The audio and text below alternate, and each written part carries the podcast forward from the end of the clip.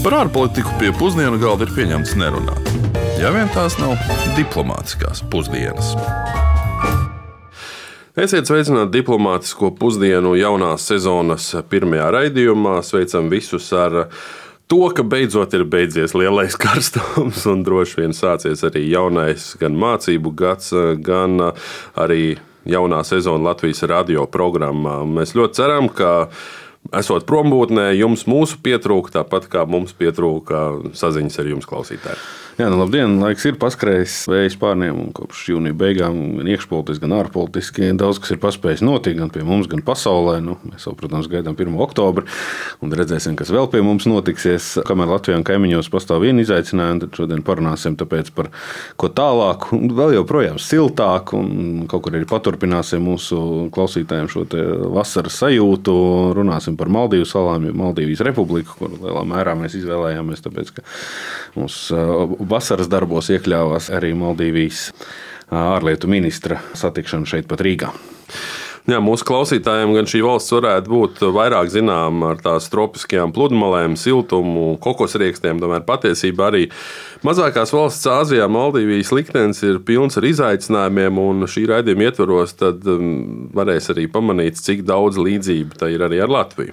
Tas, gan starp citu, Maldīvija ir arī pasaulē mazākā musulmaņu valsts. Maldīvijas salu konstitūcija, 97. gada konstitūcija nosaka, ka tās pilsoņiem ir jābūt nu, musulmaņiem, aizliedzot sekot jebkurai citai reliģijai. Starp citu, tā arī ir ne tikai mazākā, bet arī plakanākā valsts pasaulē, un valsts vidējais augstums ir uzmanību 1,8 metri virs jūras līmeņa. Un, uh, faktiski augstākais punkts valstī ir 2,3 metri, kas atrodas Vilingili salā. Uh, un salīdzinājumam nākošā plakanākā valsts aiz Maldīvijas ir Katara, un tur vidējais augstums ir jau 28 metri. Nu, tāpēc mēs varam teikt, ka Maldīvija ir patiesi plakana. Bet ko par mūsu šīs nedēļas valsti zina mūsu klausītāji, to mēs devāmies skaidrot šeit pat Rīgas ielās. Maldīvu salas, kas par tādām ir dzirdēts, vai kaut kas ir dzirdēts? Ir dzirdēts, bet vairāk jau liekas tāda atpūtas vieta. Mm. Aizbraukt ceļojumā, atpūsties. Mm. Kāds kūrotiņš? Ja? Maldīvas ir tik tropiski, tāds atvaļinājums, tāds saulīti, mm. dzirdams ūdens, pozitīvas emocijas. Maldīvi, jā, jā.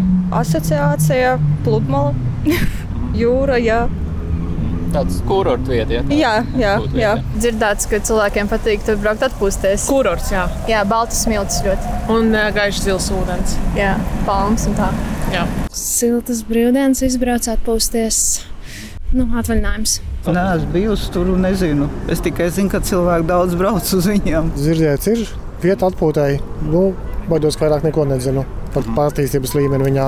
Maldīvas salas noteikti saistās ar atpūtu ceļojumu un skaistu dabu. Runājot par Maldīviju, gribētu sākt ar tās interesanto izveidošanas vēsturi un arī jau iepriekš minēto reliģiju, kas visvairāk arī sekmēja valsts pārveidošanos.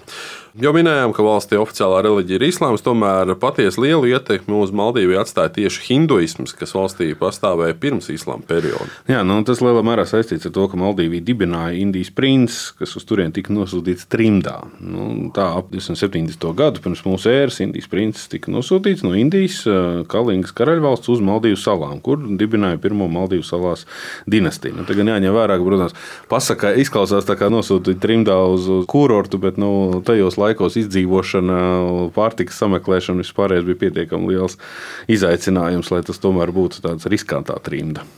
Jā, un līdz pat desmitajam gadsimtam Maldīvijā pastāvēja hinduisms, taču pēdējais Maldīvu salu budistu karalis pieņēma lēmumu valstī pārvest uz islāma ticību. Gan arī lielā mērā noteica to austrumu un Āfrikas arābu tirgotāju ietekmi un nozīmi reģionā, īpaši 12. gadsimtā. Nu, pēc tam, kad plašāka nācijas daļa pieņēma islāmu, vecie budistu templi tika iznīcināti un islāms kļuva par valsts oficiālo reliģiju, kur tad attiecīgi pārvalda sultānu. Nu, tā pēdējā Indijas karalim pieņemot musulmaņu sultānu Muhamedu al-Adila titulu, viņš aizsāka sešu islāma dinastiju virkni, kas ilga līdz pat 1932.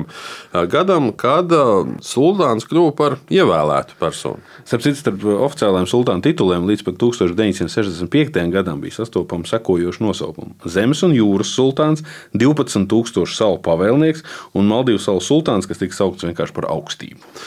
Nu, tomēr ar to Maldīvijas interesantā politiskā pārbūve nebeidzās, un kopš 16. gadsimta vidus reģions nonāca Eiropas koloniālo spēku ietekmē, kļūstot par Lielbritānijas protektorātu. Un iegūstot neatkarību no apvienotās karalistes 68. gadā, Maldīvija kļuva par prezidentālu republiku ar ievēlētu tautas medžlisu jeb parlamentu. Nu, mūsdienu perspektīvā skatoties, valsts ir ļoti jauna, valsts ar demokrātiskiem centieniem. Un kopš sultāna pārvaldīšanas arī kļuvusi par republiku, tomēr tā ir piedzīvojusi daudz kāpumus un kritumus ar autoritāriem līderiem un apvērsumiem. Tāpēc arī saka, ar centieniem būt demokrātiski. Nu, tagad laiks pieķerties un parunāt arī par Maldīvu ekonomiku, kas ir nemazāk aizraujoša arī pati valsts politika. Un, un, proti, neskatoties uz šo valsts uh, politisko nestabilitāti un centieniem īstenot demokrātiskās reformas, arī risināt plašas vidas problēmas, ko rada klimata pārmaiņas un uh, jūras līmeņa paaugstināšanās. Maldīva kā valsts ļoti ātri kļuva par valsti ar vidējiem ienākumiem. Nu, tā piemēram, valsts IKP uz vienu iedzīvotāju salīdzinājumā ar Latviju ir aptuveni uz pusi mazāk, nu, aptuveni 16,000 eiro. Nu, šādu progresu veicināja straujais turismu un zivsaimniecības nozara pieaugums. Un, protams, ka te gan jāņem vērā, ka valstī vēl joprojām ir liels un konstanti pieaugušs fiskālais deficīts. Turisms arī vēl joprojām ir viens no galvenajiem ekonomikas stūrakmeņiem, un, piemēram, vēl nesen Maldīvu Pasaules apmeklēja gada ietvaros rekordliels skaits - 1,3 miljoni cilvēku. Un tas ir situācijas, ka pašu Maldīvu salu iedzīvotāju skaits nesasniedz pat 400 tūkstošus.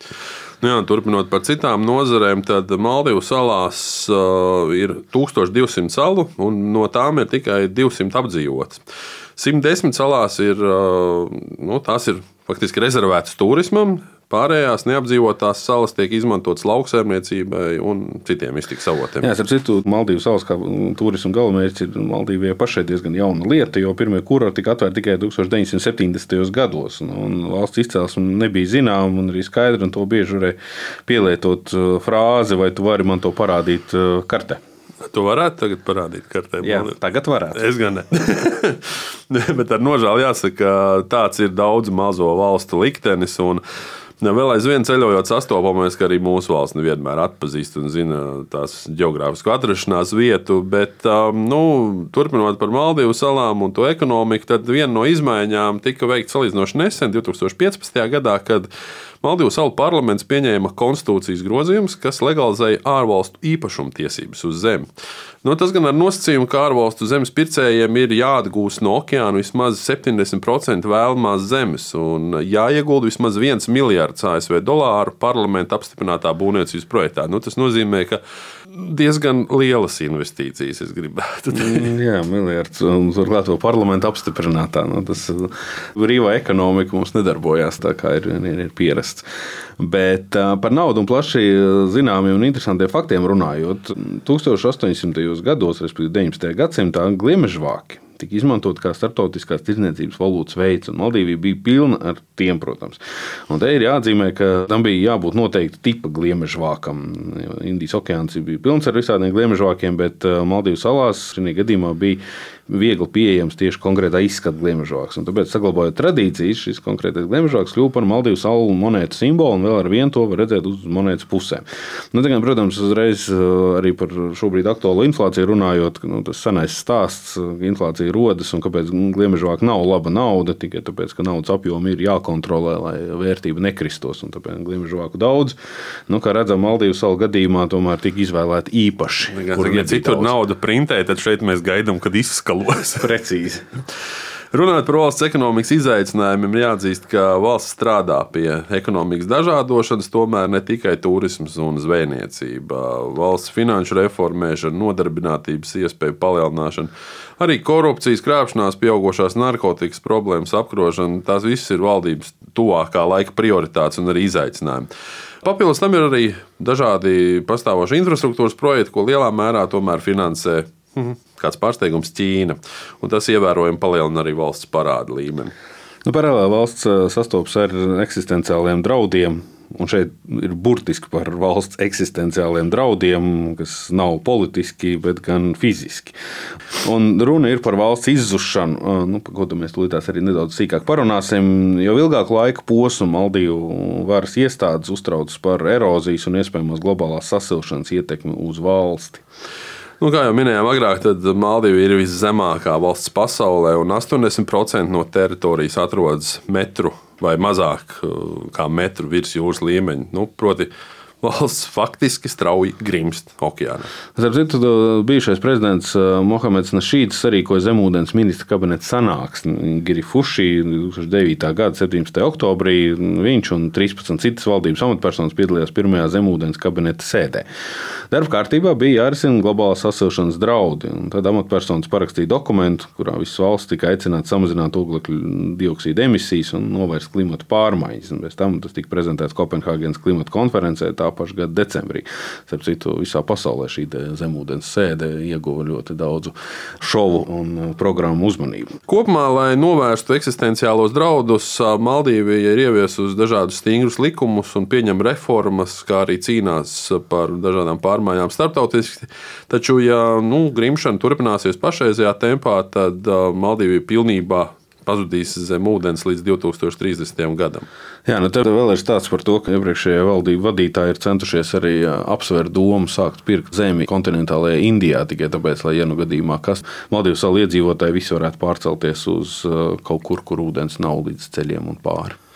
Bet mēs jau runājām, ka šovasar Latvijā viesojās arī Maldīvijas ārlietu ministrs, kurš ir arī pašreizējais ANO ģenerālās asamblejas prezidents. Viņa ekscelence Abdula Šahits, kurš gan teica, ka domas pamest salu Maldīvu vadību pašlaik neapsverot.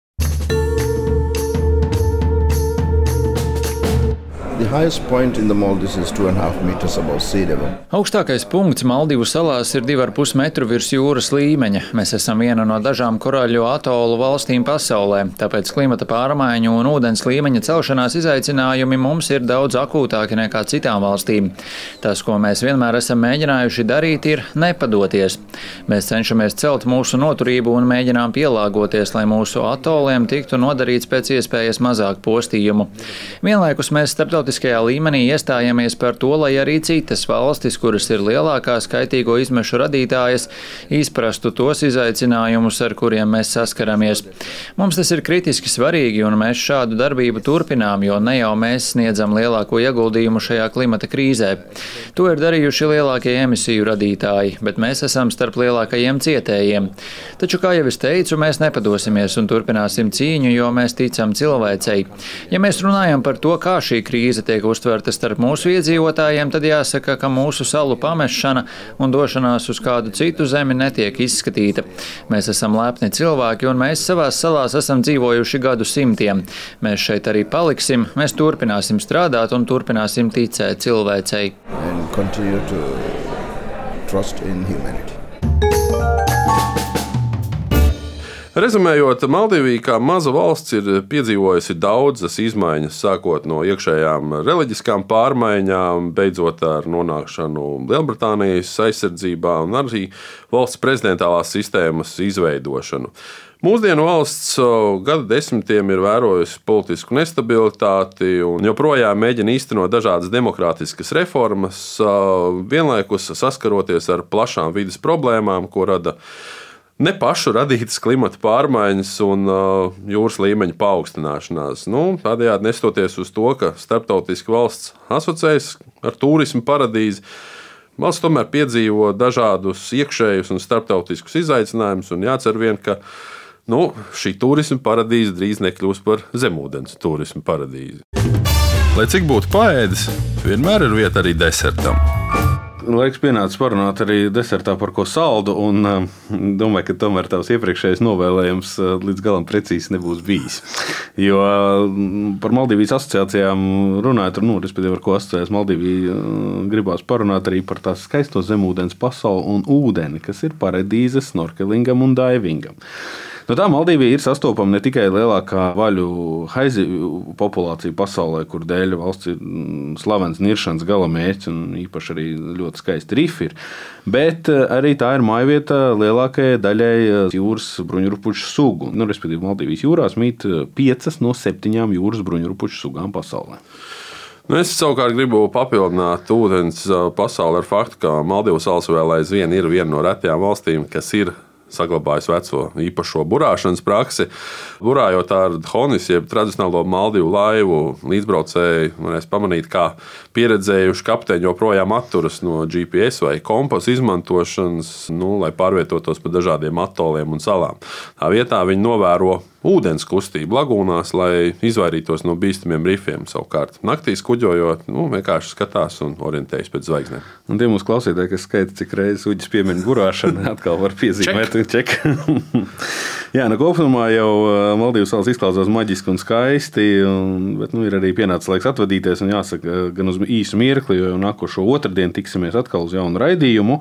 Un, kā vienmēr, jums bija dr. Kārls Bukovskis un mans kolēģis Uģis Lībietis. Lai jums izdodas! Es savukārt papildināšu, ka nākamajā nedēļā mēs dosimies uz Monako uzspēlēt kazino. Atgādināšu tikai, ka mūsu raidījums, kā vienmēr, ir klausāms podkāstos, arī Latvijas radio mājaslapā un Latvijas radio lietotnē. Radījumus palīdzēja veidot Rihards Plūme un Aleksandra Palko. Uz sadzirdēšanos! Diplomātiskās pusdienas katru otrdienu pusdienos Latvijas Radio 1.